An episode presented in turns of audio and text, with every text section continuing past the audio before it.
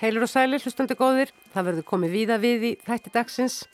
Undir lok þáttarins eiga gamlar og nokkuð nýjar barnabækur sviðið en ungt fólk sínir sig þessi misserinn ötult við að leita uppi fallegar erlendar barnabækur og gefa út á Íslandi. Einnig verða gömgjað orð þryggja rithöfunda sem í þessum nýliðna og einstaklega grimma aprílmánuði stunguniður penna um veiruvána og afleðingar hennar. Af þeim lestri spratt samræða um fjölmenningu í bókmentum og listum við bókmentafræðingin Fríðubjörg Ingvarstóttur, rektor Listaháskóla Íslands. Meira um það eftir korter eða svo því við byrjum á andláti frumkvöðls í bókmentunum.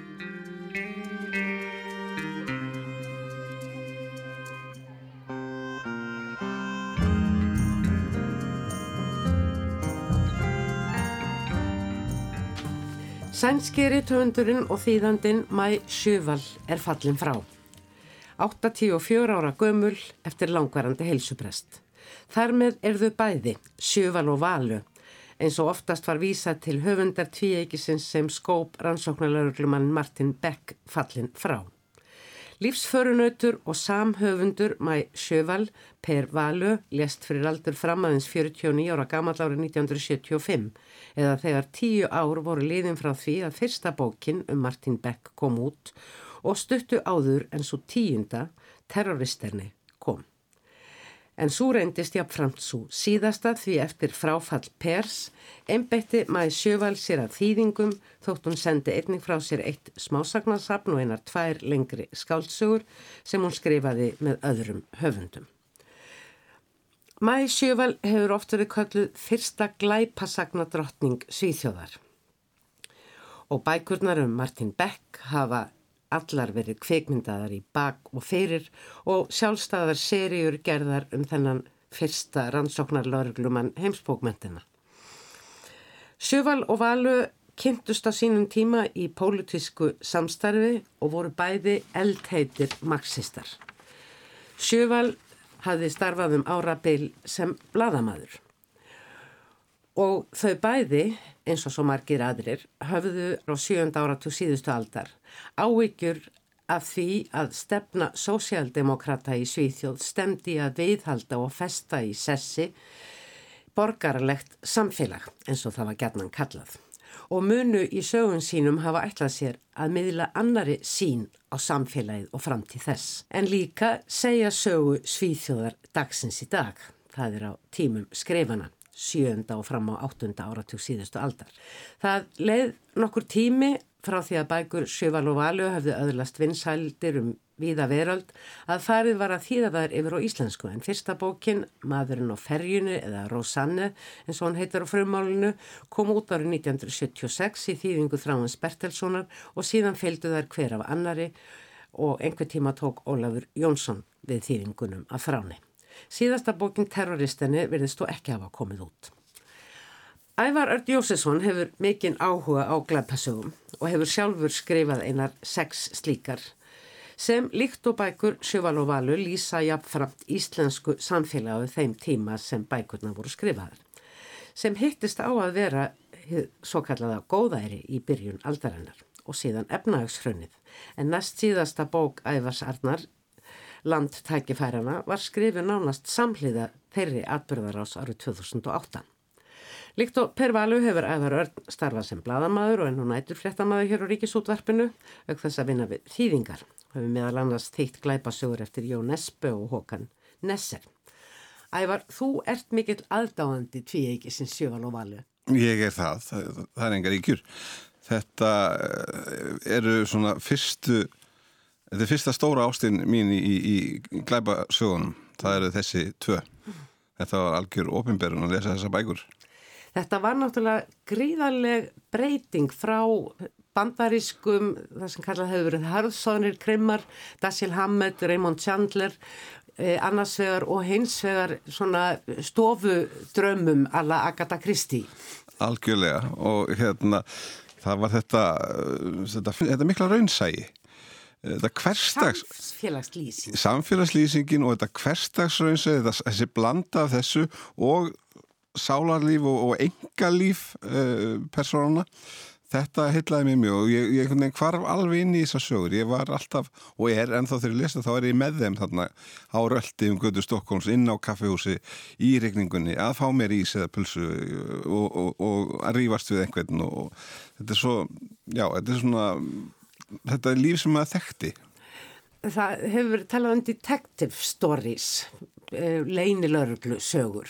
Og oft er þetta enga spæjarar eða einhver sem að já, fyrir tilvíljun er orðin tortryggin gagvart einhverju sem hefur gerst og fyrir að rannsaka það saman frú Marpl hjá Agatha Christie. En þetta er lágreglumadur Já, þetta... Þannig er lögreglan komin inn í. Er þetta svona með fyrstu sög, glepasögunum? Sko þessi hlið á sér alveg skýra fyrirmynd og þau hafa töluð um það sjálf á sínum tíma og sérstaklega maður sjövel náttúrulega uh, á síðar árum.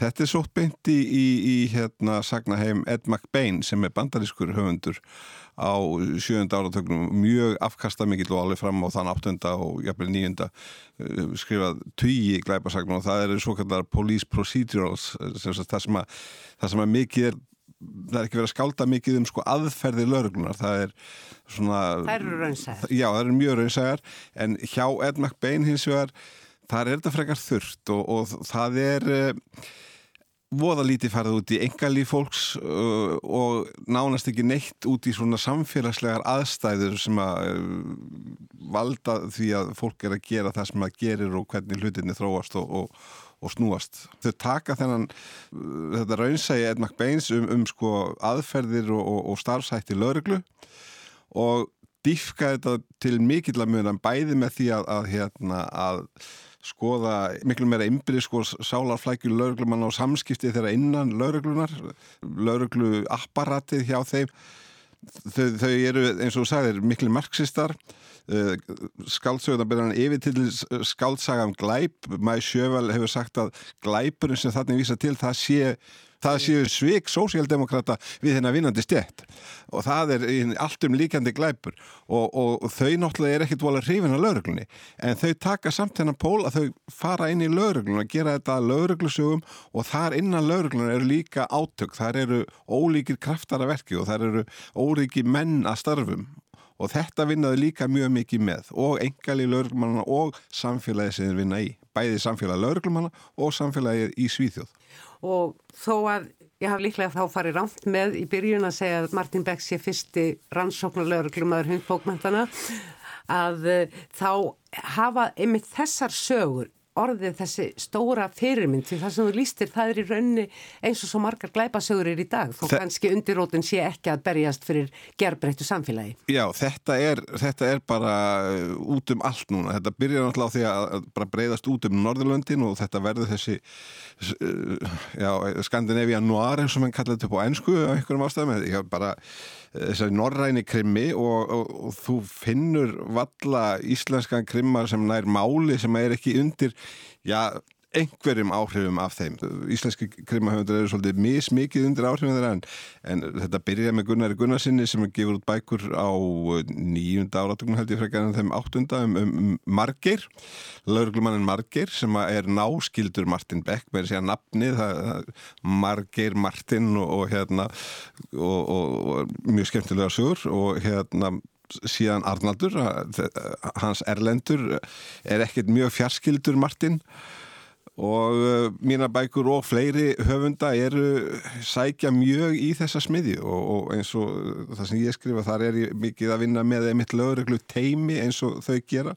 Þau eru með marga lögreglumenn, þetta er ekki bara ein hetja, þetta er samvinna og þetta er átök og þau skrifa þessar bækur saman.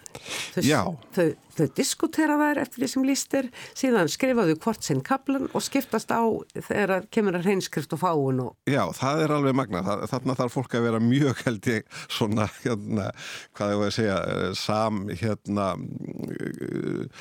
samofið í hugsunum sínum og, og lífið til að geta gert þetta, þetta hérna, já, ég geti held ég alveg örgleiki unni svona. Og þessar sögur gáttu aðeins orðið til í þessari samvinnu því það verði ekki til fleiri. Það var reynda til einn sem hún skrifaði með einhverjum öðrum en það er eins og hún hafi ekki náð máli. Nei, hún, það er allt öðru í sig saga og bara, já, hún næri ekki þessu flugi eða flugi er svolítið kannski ekki rétt að tala um flug því að þetta er einmitt svo jarðbundna sögur. Það er, það er eiginlega galdurum við þar fyrir mér hvað eru jarðbundnar og hvað eru nálagt okkur í, í sko mennskunni og í í samfélagsmyndinni allri. Það er ekkert verið að búa til einhverja hetjur það er ekki verið að búa til einhverja einhvern hasar.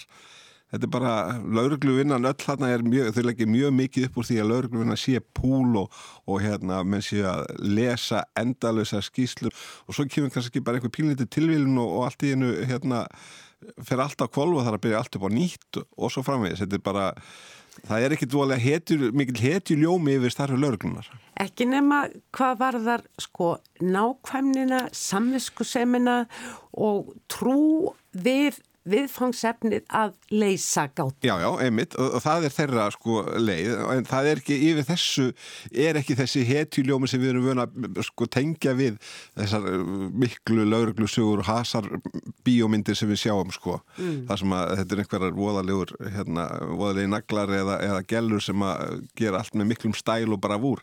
Þarna er það bara já, það er bara skrifstofuvinnan. Það er orðið langt síðan þessar bækur áttu sitt blómaskeið. Það eru samt enn vinsalar. Hvernig standast þær tímastönn?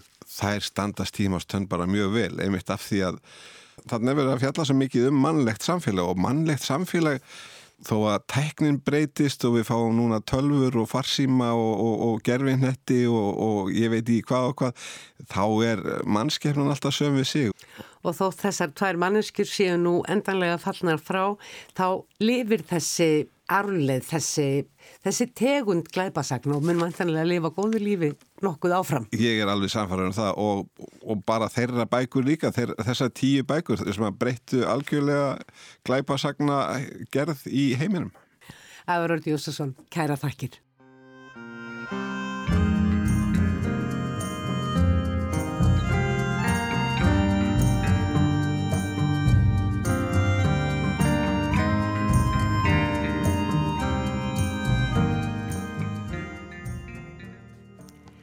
Apríl er grimmastur mánada, saði ljóðskáldi T.S. Eliott í Eðilandinu. En aldrei hafði okkur grunnaða annarins apríl mánuður og sá sem nú er rétt liðin ætti eftir að renna upp. Dauðin allstaðar á næsta leiti, um leið og við sem skáskjótum okkur í tveggja metra fjarlagð að minnstakosti frá næsta manni, keppumst við að kalla hvert til annars, jú, ég hef það fínt. En það er þreytandi að vera annarkort alveg heima hjá sér við vinnuna daginn langan eða reynað að einbeita sér með tápmikil börn í kringum sig sem eru búin að spila öll spilin, nenn ekki að lesa fleiri bækur eða púsla fleiri púsl, heldur vilja komast út og æslast hvert með öðru.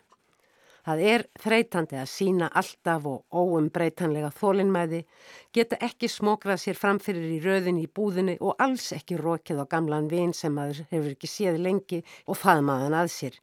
Það er þreytandi að tortrykja stöðut. Missa alls ekki að fréttum um fjölda smittaðra og látina í þessu landinu og heinu. Að lifa í skýi óvissu um það hvenar þessu linni og hvað taki við. Skáld og réttöndar sem rættuðu verið við á þessum vettfangi í þessum aprilmánuði ársins 2020 grimmustum allra hafa alls ekki vilja að ræða þetta bannsetta COVID hafa jafnvel haldið því fram að enginn muni nokkru sinni nenni að skrifa stafkrókum það lúmska fyrirbæri með öllum sínum stökkbreytingum sem ekki sér fyrir endan á. En auðvitað hættir fólk ekki að hugsa þrátt fyrir bannsettan veiruskrættan. Þannig sáu tvær ungar skálkonu nýli á þessum vettvangi tækifæri í ástandinu. Tækifæri til að hugsa um það sem skipti raunverulega máli. Enda segir líka í áðurnemdu ljóði T.S. Eliott sem hefst á hendingunni um april hinn grimmastan mánuða að hann sé líka sá mánuður sem græðir grös upp úr döðri moldinni, hrærir girndum saman við minningar, glæðir vorregni vissnaðar rætur. Þannig þýðir Sverrir Holmarsson svo vel. Og er það ekki einmitt þetta sem við meinum þegar við köllum til hvers annars í tveggja metra fjarlagð að við höfum það bara fínt. Þetta getur ekki farið al illa. Það hlýtur líka eitthvað gott að vaksa upp af þessu. Einhver tækifæri. Tækifæri sem við nú býðum spennt eftir að verða að raunveruleika. Hver svo sem þau eru og hvert sem verkefni okkar verður í þeim.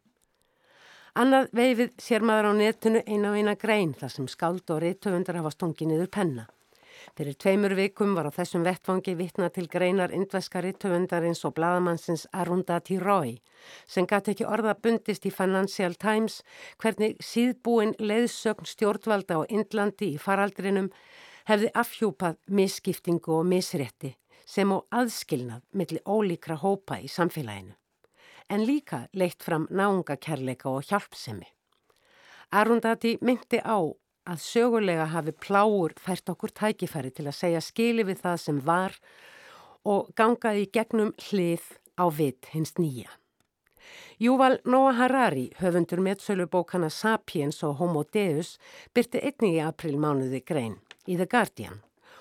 Hann er upptekinn af döðanum og hvernig við í sögulegu ljósu höfum aftengt hann lífinu eftir því sem lífslengt okkar sjálfra hefur aukist, þökk sé vísinda fólki, læknum og hjókrunarliði, hinnum nýja guðleika, sem daginn langan rannsaka og þróa liv og lækninga meðferðir á rannsóknarstofum sínum og sjúkrastofnunum. Engin evast um að eitt góðan veðurdag muni þeim takast að búa til bóluefni gegn þessum veiru skratta eins og öðrum. Spurningin er bara hvenar? Og Harari er þess fullvis að eftir þessa miklu krísu sem nú er í algleimi þá muni heimsbyggistofnunar ekki finna fyrir auknum fjárframlögum, heldur einmitt lækningaskólar og sjúkrastofnanir. Og það er gott, segir hann, því heimsbyggi er ekki verkefni stjórnvalda. Þau skulu einbeita sér að heilbriðiskerfinu. Það erum við, þegnarnir, einstaklingarnir sem skulum nota þennan viðbótar líftíma sem vísindin láta okkur í tíu til að filosófera. Og Harari hlýtur hér að meina það sem skáldkonurna tvær sem áður var vísað til töluðum nefnilega til að átt okkur á því sem raunverulega skiptir máli fyrir okkur sjálf og samfélag okkar. Nobelsveluna hafinn Olga Tokarczuk byrti einni grein um þessa sérstæðu tíma í Þíska dagblæðinu Frankfurter Allgemeine nú í april. Ég hefði auglust ekki séð þessa grein ef Katrín Kinga Jósefsdóttir hefði ekki sendt mér þýðingu sína á henni. Katrín Kinga er hóverðin sjálf, fætt í Pólandi en hefur nú verið búsett hér á landi svo áratugum skiptir. Og henni skal hér þakkað fyrir að þýða orð Olgu úr pólsku en Olga byrti greinina líka á Facebook síðu sinni í Pólandi. Og einan tíðar má svo lesa þýðinguna í heilt á heimasíðu þáttarins. Í þessari grein veldir Olga fyrir sér hvers hún sakni þegar hann er forbóðið að fara út fyrir húsins styr. Út um gluggan heima hjá mér horfi ég á hvít mórberjatré, tré sem ég dáist að og var ástæðan fyrir því að ég fluttingað. Mórberjatréð er gjöful planta. Allt vorið og sumarið eru sætir ávextir þess fæða fyrir fjölda fuggla. Núna er tríð hins vegar bert svo ég sé hluta af rólegri götu þar sem varðla nokkur maður gengur nú um á leiðsinni í gardin. Veðrið í Vrokklaf hefur verið nærrið því sumarlegt, blindandi sól, heiðskýr heiminn og reynd loft. Þegar ég viðræði hundin minn í dag sá ég skjóapar reka uglu frá hreyðri sínu. Við uglan horðumst í augu úr tæplega meters fjarlægð. Ég hef á tilfinningunni að dýrin býði líka eftir því sem koma skal. Fyrir mig hefur heimurinn verið yfir þyrmandi um allnokkurt skeið. Of stór, of hraður, of háfaðasamur. Olga Tokarczuk hefur ekki áhyggjur af sjálfri sér, að komast ekki í bíó eða í verslanir, en hún hefur áhyggjur af fólki sem mist hefur vinnuna og á eftir að missa hana. Sjálf vinnur hún einn með sjálfrið sér og segir í greininni að hún hafi fundið til einhvers konar léttis við sína sjálfskeipuðu sóttkví og hún viti að fleirum líði þannig en skammið sín fyrir að viðkenna það. Mitt einhverfa eðli, svo lengi kæft og mistyrmt af ofvirkum útkverfu manneskum, hristir sig og kemur út úr skápnum. Myndir úr bernsku sækja þrálátlega á. Þá var tími nægur og það mátti sóa honum, með því að góna út um glukka klukkutímum saman, horfa á maura, liggja undir borði og ímynda sér að það væri örk. Eða lesa alfræðiritt. Getur verið að við séum komin aftur á gamlan lífsræða? Að það sé ekki vírusin sem rugglar normið heldur öfugt, að einn erilsami hraði heimur fyrir vírusin hafi verið óeðlilegur. Nú er öllum gert að vera heima hjá sér, segir Olga, og þar viljum við líka vera á tímum sem þessum. Það var jú mikið að gera hjá svo kallari borgaraþjónustu utanríkisráðuneytisins á Íslandi í byrjun faraldursins að koma öllum Íslandingum í útlandum heim áður en landamærum ríka er þið endanlega lokað, í byli að minnstakosti. En lokuð landamæri feil ekki bara í sér vörn og öryggi.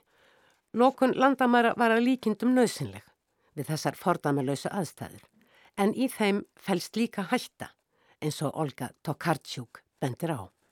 Þar er mætt upp á dekk gamla eigingjarna hugsunin um skiptinguna í heimamenn og aðkomufólk sem með samvinnu Evrópu eftir stríð hefur verið reynd að uppræta.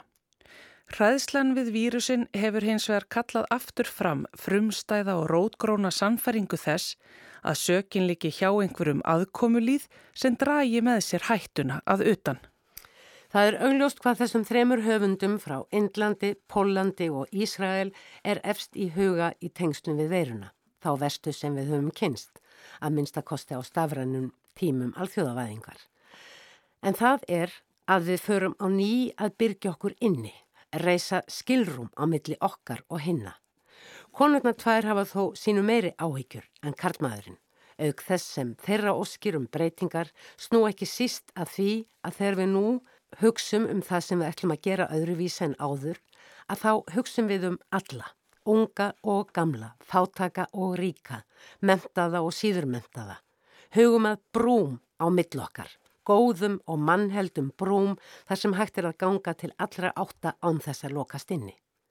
Við erum jú aldrei einn, hvorki sem einstaklingar nýja sem þjóðir. Styrkur okkar, framfæri, nýsköpun, listir, menning, vísindi, samfélag allt byggir á samvinnu. Á því að kynnast öðru fólki og nýta okkur það sem það eru fram að færa og þannig hefur það alltaf verið. Þess vegna viljum við ekki bara lesa bækur eftir höfunda sem sprotnir eru úr nákvæmlega sama umhverfi og við sjálf. Við viljum líka lesa bækur sem eiga uppruna í öðrum löndum sem eru framandi og öðruvísi og geta þannig frjókað okkar einn hugsun.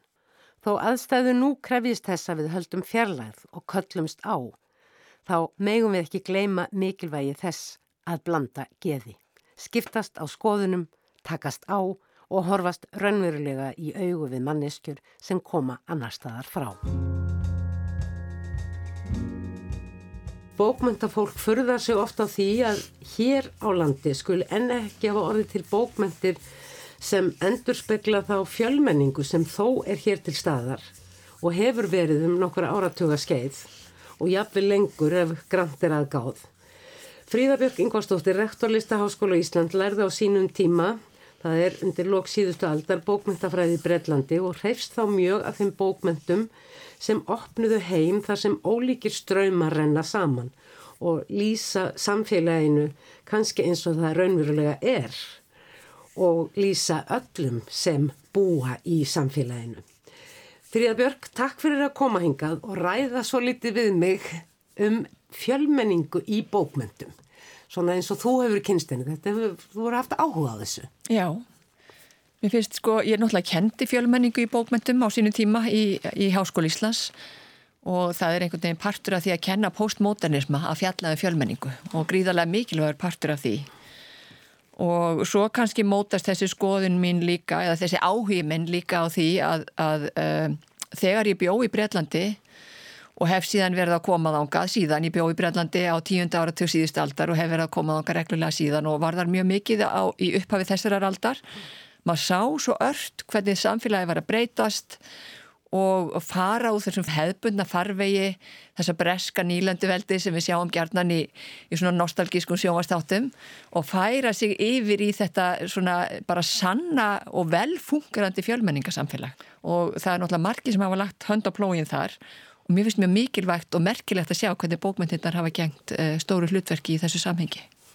Þú ert þá ekki síst að hugsa um höfunda sem að virkilega sló í gegn, ekki bara í Breitlandi heldur um allan heimins og Salman Rushdie og Hanif Kureisi e, á, á síðustu öll. Emmitt. Bæði í kveikmyndum og bókmyndum og Já, og ég myndi að, já, emmitt og Salma Rösti náttúrulega líka eh, lendir í þessum, þessum miklu rakningum þegar settir á hann fatva, hann er settur mm. í, í bann og, og þarf að hverfa bara vettvangi heimsins í, í mjög langan tíma og þetta var náttúrulega þessi valdandi að þau sjónamið sem að hann var að bera fram í sínu bókmyndum urðu kannski nær megin strömnum heldur strömnum heldur þau hefðu orðið alla mm.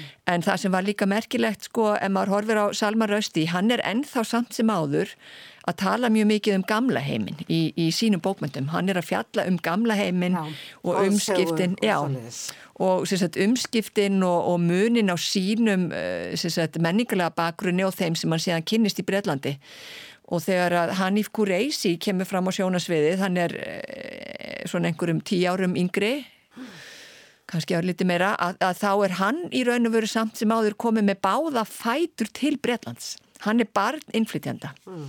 Og það munat aldrei mikið eh, um það eh, þar að segja hans frásagnaraðferð og hvar hann staðsetur sig og sitt sögusvið. Því að Hanif Kureisi hann er fyrst og fremst að horfa á aðstæður sinnarkynnslóðar og í Breitlandi á þeim tíma sem að hann er uh, sagt, ungu maður og hann er að skrifa, hann er ekki að skrifa um sko gamla landi í þeim sama skilningi. Mm. hann er miklu frekar í raun og veru eh, sko fannst mér aðtilsverður áhrifavaldur í því að honum tókst að greina svo vel uh, einangrun uh, sérstaklega sumra ungra manna innan þessa hóp sem að hann tilherði mm varðandi uppruna og spá með alveg ótrúlega nákvæmum hætti fyrir um það sem að síðar gerðist bæði varðandi hriðjverka vána sem að tengt var við miðausturlönd og uppgang Ísis til dæmis. Mm. Hann skrifar beinleginis um þetta einum tíu árum áðurinn að þetta fer að gerast og til dæmis bara áðurinn að tvíbaraturstandi falla. Hann í raunveru varar við þessu mm. og þetta leiðir hann uh, inn á svið sem að, að sko enginn hafði séð fyrir sér og breytar til dæmis og þeim tíma litur bara á sem svona afkima sem að þyrta ekki að hafa ágjur af. En svo kemur bara annaði ljós. Mm. En síðan koma þarna í byrjun uh, þessarar aldar. Fram á sjónasiður tvær konur. Fyrst læri gegn Sadie Smith frá Jamaica sem er eh, af blönduðum foreldrum, breskum og frá Jamaiku og síðan uh, Bernardine Evaristo uh, sem er af afrísku bergibrótin en líka bresk. En þær eru fættar og uppaldar í Breitlandi mm -hmm. og mentast báðar. Og þær vekja mikla aðtegli, ekki síst fyrir það hvernig þær taka í rauninni kannski heiminn allan tungumál, uppbruna, trúarbröð, kyn og blanda bara láta sig engu skipta. Það er skilgreiningar á þessu öllu saman sem hinga til að hafa verið við líði. Já, og ég myndi nú kannski vilja horfa til Bernadine Evaristo fyrst vegna þess að hún er alveg heilum 15 árum eldri heldur en Sadie Smith og hún kemur í raun og veru þó að hún vekk ekki verulega aðtikli fyrir um aldamóti þá kemur hún fyrr fram á sjónasviðið.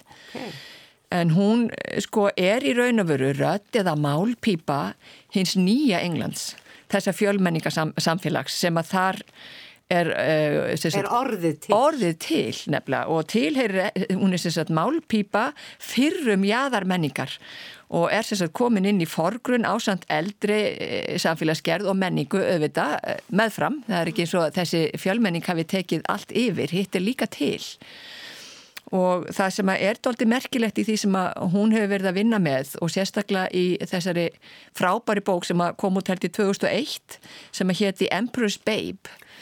Já. þar er hún að fjalla um sko hvernig e, í raunverð þetta stóra sögusvið heimsögunar því hún segir, svo saga er staðsett í London fyrir 2000 árum eða 1800 árum á tímum Rómverja. Þar sem að e, sko Lundunir eða Londonium eru Eh, sko miklu, miklu fjölmenningalegri staður heldur en eh, kannski Lundunir eru með þess að enn þann dag í dag. Og þá er það ríkjandi hörundstökku maður frá Afríku sem er einn af landstjórum uh, Rómakeisara. Og það sem hún gerir í þessu verki er að hún uh, svona dregur fram þessar sterku samsvaranir á milli uh, sjálfsín og þess tíma sem að söguhetjan er uppi á, á, á tímum Rómaveldis. Mm og þetta er alveg óskaplega vel gert hjá henni vegna þess að samsvörunin er svo skýr og auðvitað er hún að varpa sinni menningu og sinni sjálfsvitund langt aftur í tíman með þessu og þetta er skáldskapur. En þetta er samt mjög svona áhugavert og ríkt umhugsunarefni fyrir okkur 2000 ánu setna sem að ímyndum okkur stundum að sko að kynþáttahyggja hafi alltaf verið við líði til dæmis og að hún sé eitthvað sem hafi bara fyllt okkur í eh, aldana rás og við getum ekkert spórna við. En hún bendir svo áþreifanlega á það að, að sko allt fer í ring og þetta eru mannanagjörðir og við ráðum við þetta sjálf. Það, er, það eru við sem að mótum samfélagsgerðina þetta er mjög svona pólitísk bók að, að því leitinu til. Að hún er kannski ekki flokka pólitísk en hún er samfélagslega mjög pólitísk. Og hún er líka að gera þarna sagt, skil hlutverki hvenna og hvern vitundinni, bæði listrætni hvern vitund og, og svo náttúrulega hvern hlutverkum. Þannig að henni tekstast láð þarna margar flugur í einu höggi á latínu skotnu tungumáli sem hefur sem sagt, mjög sterka vísunni í samtímaslangur og tvinnar þarna saman söguþráð sem að mér finnst vera alveg einstaklega vel hefnaður hvað var þar þessa fjölmenningalögur rött. Mm. Og hún hefur náttúrulega verið að vinna á þessum nótum síðan í ekki síst þessari nýju bók sem að hún vann búkarinn fyrir í fyrra held ég ásand Margreti Atwood. Það er unnið þetta saman. Það sem, að, sem að heitir Girl, Woman, Other. Og þar er hún í raun og veru kannski að fjalla um margar uh, kynnslóðir hvenna af þessum afríska uppruna. Hún er að fjalla um diasporuna eða útbreyðslu uh, áhrifa uh, Afríku bara mm. í viðaðum heim og uh, er sagt, orðið að mikilvægu umfjöldunarefni í, kannski í kjálfar mikilvæg fólksflutningar sem að tilherðu nýlendustefnu breyta og hún í raun og veru, það er svona sama sem merki sem að Bernardín Evaristo hefur dreyja á milli nýlendustefnu Rómarveldis og nýlendustefnu breyta mm. og síðan kemur Seiti Smith inn í raun og veru þessa sagnahefð með enneitt þáttinn sem er kannski nær samtímanum eða, eða hún er bara af yngri kynnslóð og, og öðruvísi þengjandi því að hún í raun og veru kannski skilgreinir sig fyrst og fremst sem breyta mm. og hún vill ekki skilgreina sig út frá hörundslit eða uppbruna sérstaklega vegna þess að henni finnst það íta undir allt það ofbeldi og, og þetta kúnatæki sem að sem að bara hreitn og klá rasismi er kynþáttahyggjan var sem að var undirstaða nýlanduveldisins þannig að nú vilja það skilgjana þessu út frá þeirri menningu og uh, framlægi þeirra uh, kannski uh, svona bakgrunns til samfélagsins eins og það er bara í samtímanu. Þetta er miklu, miklu jákvæðara viðþorf heldur en... Skilgrina sér rauninni á grundvelli þessarar blöndunar. Þessara, já, einmitt, þessara blöndunar og samþættingar og þessara samsömunar sem að ég held að sé svo mikilvæg vegna þess að ef við horfum aftur og baki í tíma og erum að horfa á til dæmis bara bókmentir eh, nýjunda áratugurins, hugsalega aðeins í sjönda áratugnum en fyrst og fremst nýjunda áratugurins upp úr, upp úr 80 Þær bækur og bókmentir eh, svona í postmodernismanu snýrst mjög mikið um, um það sem var á ennsku kallað otherness eða annarleiki Og þetta er í raun og veru kannski eitthvað sem var síðan hafnaði upp hafið þessarar aldar og þá er miklu meira að vera að fjalla um samsumun. Og sjálfsvitund un, út frá sagt, þeirri hugmyndafræði sem að mér finnst doldið merkilegt. Mm. Og, og hún Seiti Smith hefur til dæmis sagt það í viðtali ef ég mann rétt í Guardian að hún sko veltir því fyrir sér af hverju Don DeLillo er rítumundur og uh, þarf hún þá endilega að vera svartur rítuhundur er hún ekki bara rítuhundur líka? Mm, þegar að kannski kona eins og Toni Morrison hefði skilgrend sig, miklu miklu eldri kona fættu upp úr 1930 hefði skilgrend sig sem svartan kvenrítuhund mm. til þess að leggja áherslu á sko jæðarinn sem hún er reyna að færa inn í miðjuna en, en Sadie Smith er bara í miðjunni Já, hún er það algjörlega Já. og er náttúrulega ekki bara í Breitlandi, hún er líka, hún kennir í New York og bí, hefur búið þar að, að hluta til mm -hmm. og, uh, og hún tekur mikinn þátt í ofnbæri umræðu, mm -hmm. skrifað kom ekki alls fyrir löngu út eftir hennar greinasafn Feel Free, daldi takkara titill og mjög gaman að uh, lesa það safn. En uh, það sem að, uh, þegar maður fer að skoða þetta í Breitlandi og þessa þróun, að, þó að okkar saga sé náttúrulega ger, ger ólík, eiland, lítið land sem að hefur reyndað þrauka á sínum stað í heiminum. En eiga síður erum við hluti að heiminum og viljum vera það. Og okkar samfélag væri ekki það sem það er ef við hefðum ekki tekið á móti og, og einhverjir hefðu sóst eftir að koma hingað, setjast hér að annar staðar frá.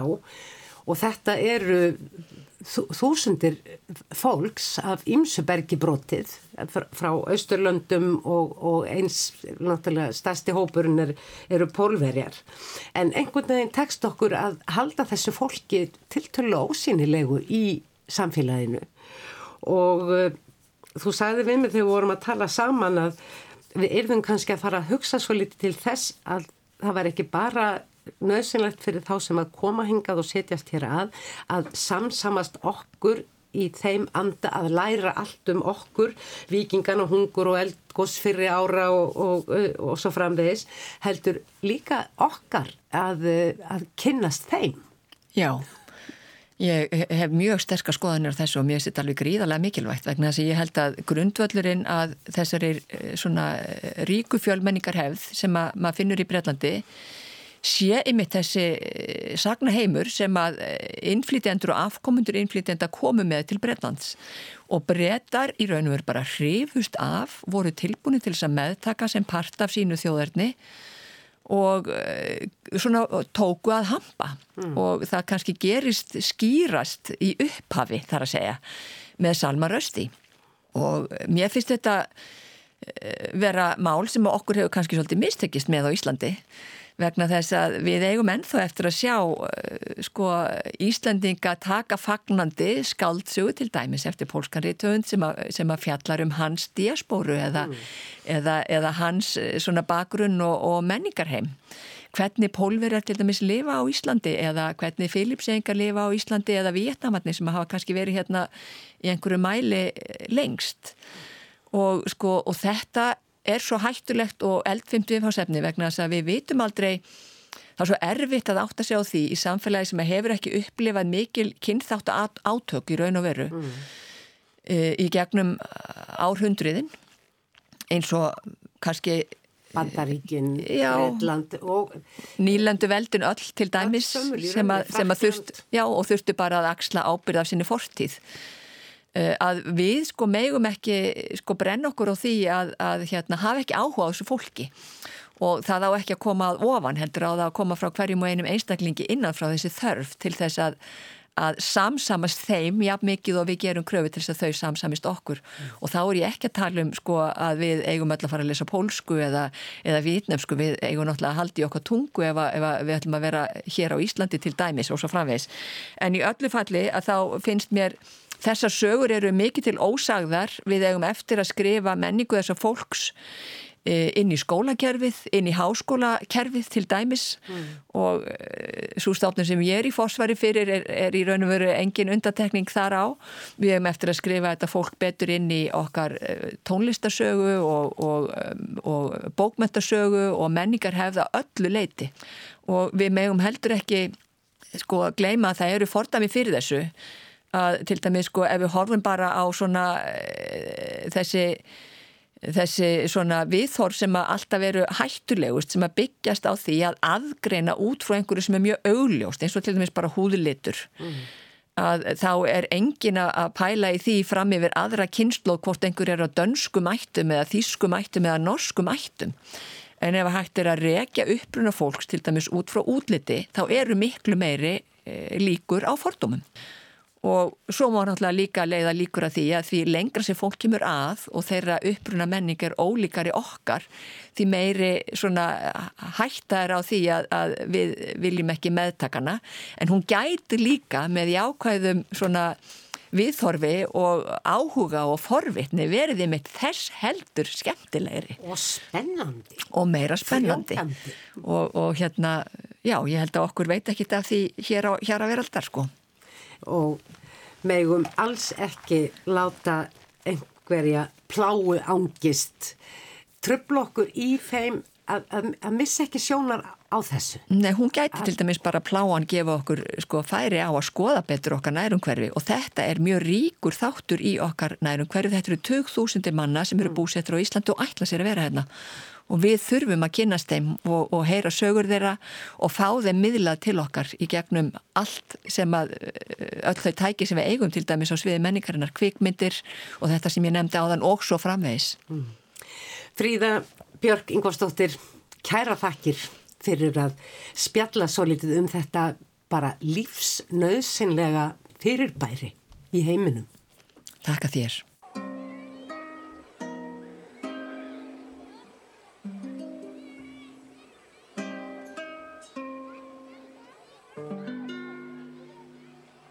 Áhuga fólkum bækur og bókmyndir hefur allar síðustu árum tekið til við að nasa uppi gamlar og reyndar líka nýjar barnabækur, ekki síst myndabækur. Fyrir fáinum vikum var á þessum vettfangi sagt frá bókum, bókunum um manna Ninnu sem kom út í Svíþjóð, sendt á síðustu öld en forlegið litli sæhasturinn hefur nú geð út í íslenskri þýðingu Guðrunar Hannisdóttur. Það er einn hálft um hálft franska og íslenska Silja Salle sem er litli sæhesturinn sem hún starrækir í eldhúsinu sínu í skjólunum í Reykjavík. Í hlýðunum er svo AM forlag til húsa á heimili hjónana Cerise Fontaine og Sverris Norrland. Sem sagt líka hálft um hálft franskt og íslenskt. AM forlag gefur út eins og segir á heimasíðu þess þittar bækur sem hjónunum þykja fram úr skarandi verk og Ekki er verið að þau hafi haft áhrif á þau sjálf þessi verk og ég hafði fyllt þeim lengi og eins gefaðu út frum samanverk á íslensku. Útlitt bókana skiptir líka miklu máli og þau leggja áherslu að gera þær eins vel og gardi og mögulegt er hafa þær ekki einungis innihaldsríkar heldur einnig fallegar og eigulegar.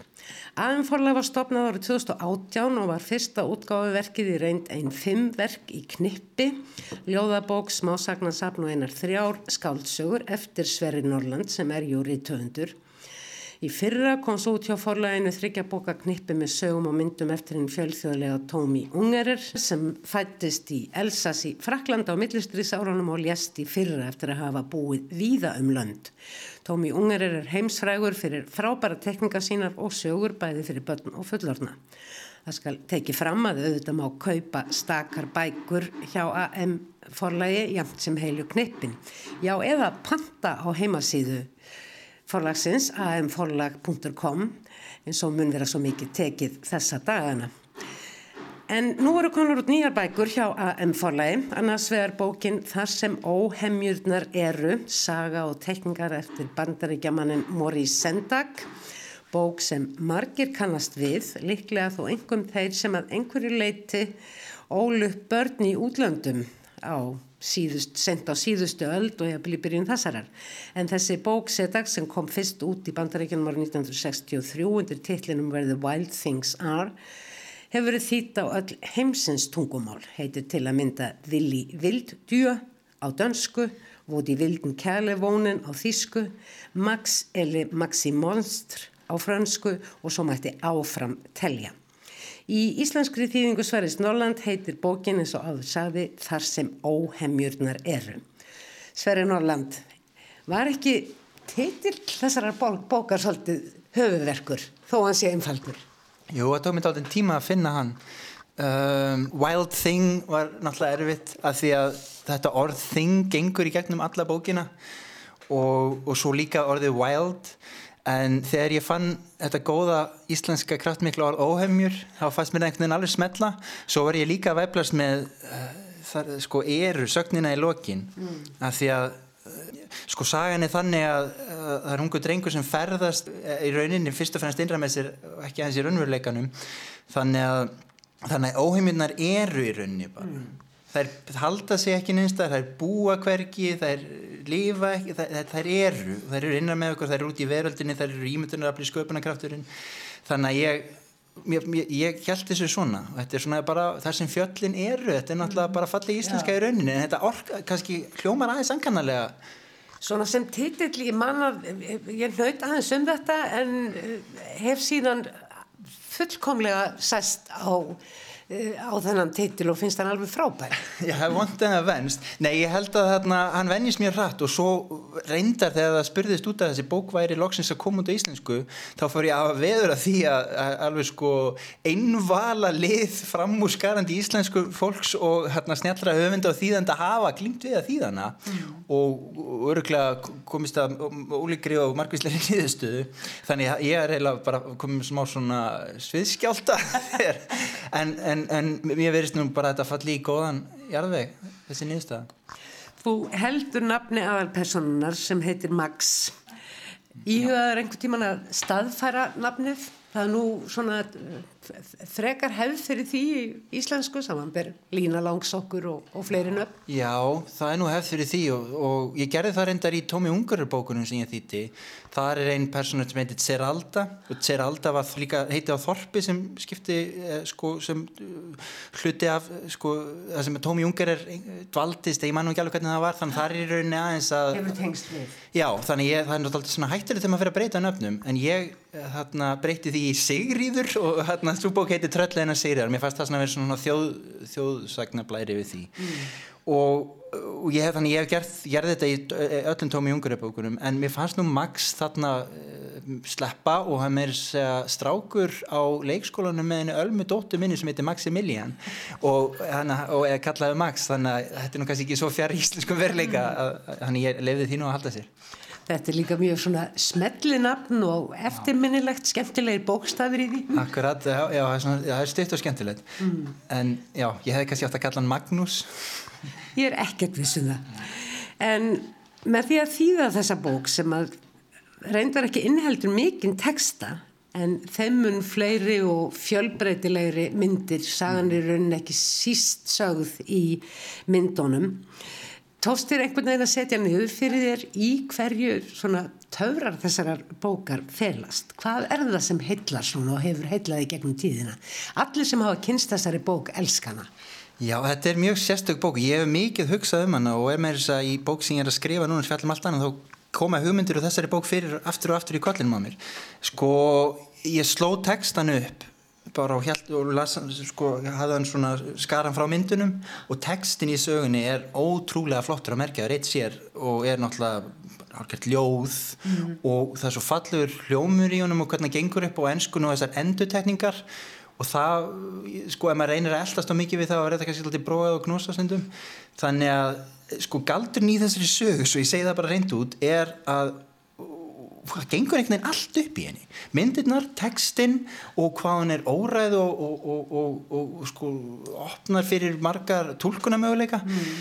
og þetta er sérst þannig að Max Littli er hérna óþekkur heima hjá sér fyrir úlfabúning og mamman skammar hann. Og mamman sérst aldrei að því að hún er rauninni til er í svona siðmenningunni heimina fullornu skipulæginu skipulæginu og tækninni sem við dyrkum svo mikið í dag. Stöðlun og skilur og hemmja óhemjurnar og hún setur hann inn í herbyggi sitt og lokar og hann fær engan kvöldverð en þar er hann enþá svolítið svona, svona hiti í stráknum og tilfinningarna kræm í honum og, og, og, og ímyndinarafli fer á stað og herbyrgi hans breytist í alla veröldina og hafið er eðst hjá og hann siglir á bát sem er líklega rúmið hans og siglir alla leið þangar sem áheimjurnar eru og kynnist þeim og, og, og hann er ekki trættur við þær þannig að það er raunin svona hann er að takast á við tilfinningar sínar með því að hitta fyrir óhamjutnar og það er raunin kannski að mæti segja og kemur framtæmis í bíomundinu sem ekki að.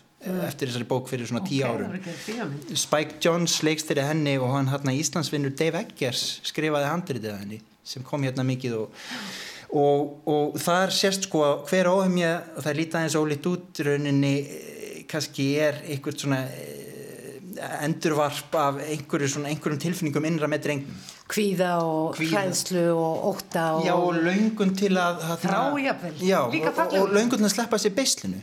Og það er eitt sem ég daldi mikið hugsað um. Sko, þær gera hann þarna að já, sagt, konungi og heimjana og, og þá hæst æslagangurinn óulegi, The Wild Rumpus á einskunni og þau þarna, hann og, og myndinu dansa og syngjundi fullu tungli og klifir í trjánum og fær í skrúgöngu, þetta er svona mikil mikil villi mennska mm. En, en það sem ég hef mikið hugsað um sko er að það sem er svo mikilvægt fyrir okkur að gera í dag á þessum rosa tæknilega tæknivætu tímum er að halda áfram að horfa í kringum okkur að undrast og stígast um burt frá mannkverfinu, mannheiminum til að sjá hennu fjallegð og fá útrast fyrir eitthvað annað. Og það er eitthvað við þessa tilfinningu sko undrun sem er mjög nátengt óttanum og skelvingunni og svona einhverjum, hérna, einhverjum tilfinningum sem við reynum alveg að útýsa í dag. Allt sem er óvist Já, og já. sem við erum að upplifa svo stert akkurat núna. Já, sem er ekki, og þá kunnum við ekki lengur að takast á við það, en þarna er taug rót allra listsköpunar í því vilda það sem að eitthvað fæ bara að brjótast út óhamið, þannig að þess vegna segi ég að þessi saga er svona eins og táksaga bara fyrir ímyndunaraflið og svo sem sagt undir loksöguna þá siglir strákurinn aftur heima því hann saknar mömmu sinni hann svangur og þá er e, e, sko, kvöldurinn komin á borð inn í hjónum og er enn heitur og þetta er svo flott að hann er búin að ferðast lendi þessu mikla ævindýri, búin að líða ár og dagar Já. og kannski bara nokkra mínútur líka Óheimurnar um, sem ímyndunaraflið framleiðir, þetta er í rauninni þær, er að skipta. En þetta er ekki eina bókin sem að forlægið sendir frá sér akkurat núna. Hinn heitir Í morgunsárið og er öllu einfaldari en líka ægifalleg en á annan máta þó. Höfundurinn Junki Nakamura japanskur Parísarbúi eins og ég las einhvers þar. Segðu okkur svo litið frá þeirri bók. Þetta er svona öllu rólegri bók. Þetta er svona bók fyrir bara krakka bara frá bara fyrstu, frá fæðingum. Um leið og byrjar að sína krökkum bækur eða lesa fyrir krakka bækur þá geta þeir þá þólaðir þessa held ég. Og Junko Nakamura er sem sagt japansk en hún býr í Paris og skrifar á fransku og hefur gefið út svona tíu barnabækur og, er, og það er eitt sem við, sem höfum svona aðeins forlag hefur svona á stefnisk eða svona, svona manifesto eða stefna hjá okkur að gefa út bækur sem eru minnskreittar og skrifaðar af sama höfundi þannig mm. svona heilstætt sköpunarverk Já. og hún gerir svo fallega myndir og hún, sumabækunar eru ljóðrætni og óræðari og kettir koma mikið fyrir og hún, henni þykir opaslega vænt um kettina sín og ná tvo en annar var hann svo gammal hann dó nýlega. Hún, hún ætlaði að koma henni hins og til okkar en frestaði út af veikindum kattarins. En þessi fjallar um Björn og hundin hans Luppa og í rauninni það gerist ekkert mikið í henni. Þarna hundurinn rumskar morgunni dags fyrir og vekur bánsan þeir fara á fætur, sólinn skíninn um glugga þeir setjast niður og fá sér morgunverð. Bánsi fær sér brösni með hunangi og það er svo gott að hann fyllist innblæstri og byrjar að skrifa aðeins og svo taka þessi til fyrir daginn og fara út til að skoða verölduna þannig að þetta er rauninni bara mikilvægi þess að vakna og, Og vera til. og vera til og fagna því að heimurinn sé þarna ennþá. Og hafa einhverja svona morgunrútínu og, og, og glæðjast og, og bara fara af stað. Þannig að hún er í svo björtum og sumalegum litum. Hún er, er svona fjórir einfaldir litir, hún er prentuð á svona gamla máta. Og, og hún er svo vorleg og þetta er svona æmikið svona sumar einhver bók. Já, akkurat, hún er sólgul. Já, ég bara um leiðu alltaf því að líti á hana þá bara brosi ég sko. Það er að því að Bánsi er náttúrulega hann í glugganum og brosi til okkar á móti á kápunni. Já. þannig að við, okkur fannst það nú bara svo falleg og stóðust ekki mátið en það er nú eitt líka að, sko það þarf að vera hægt að lesa bækur alveg bara fyrir krakka frá fyrstu stegum mm. Já. og fólk spyr stundum er þetta í lægi fyrir krakkana? Hvað með þurfa að vera orðni gamlir og Tom Junker sögurnar það er svona aðeins svona drungalegri tónn í þeim sem eru allt í lægi fyrir krakka. En það, það þóla allir þessa En hvað segir rittvöndurinn, Sverri Norland? Þú myndist á að þú værir að skrifa þetta. Er von á einhverju á þessu ári jafnvel? Ég, það er ekki út sem eða enn með- hvort að vera þessu ári en ég er með ímislegt í smíðum meðfram öllu öðru sem ég einhvern veginn tekst á hend- hendur en ég er með eina bók sem er ekki skáldskapur og fjallar einmitt aldrei um náttúruna og tækni og svona áreisturan þar á milli og svona og líka sköpunargáfuna og hvar í rauninni við finnum lífsfyllingu og frið til þess að halda áfram að vera skapandi í öllum sem háaða og allir þessari tortimingu sem við fylgjum með allt í kringum okkur. En ég ætla svo ekki að fara nánar út í titil og það og við sjáum hvernig það þróast. Svo er ég líka að vinna annar í þýðingu og það er fyrir fullorna og svo var ég reynda líka að teikna og minnskreita barnabók. En ég á náttúrulega ekki að segja frá þessu öllu. Og, en, en, en sko ég held að margi ég er þannig höfundar ég skrifa mikið en ég gef ekkert allt út. En mér finnst líka svo gaman að gefa út bækur sem aðrir hafa skrifað og hérna, þýða bækur og fara inn í hugarheim annara og stundum finnst mér eins og því ég er að fara inn í hugarheim annara eða minn eigin að sé engin skil þar á milli. Þetta er allt bara sveimi inn, inn út úr ólíkum kollum. Og það að gefa út bækur er náttúrulega sko, samtal og svona, svona samfélags, ég ætla ekki að segja þjónusta en það er, er sko, svona snertiflötur hjá okkur þannig að mér finnst bara svo samfélagslega mikilvægt að gefa út fallegar bækur og, og, og, og hafa eitthvað svona einhverja umgjörði kringu það Þessar bækur eru það svo sannlega í morgunsárið og það sem óhemjurnar eru. Takk fyrir Sverri Nóla. Sömulegis. Takk. Fleiri verða orðum bækur ekki að þessu sinni. Tæknimaður var Úlfildur Eistensdóttir. Takk fyrir að hlusta. Verði sæl. you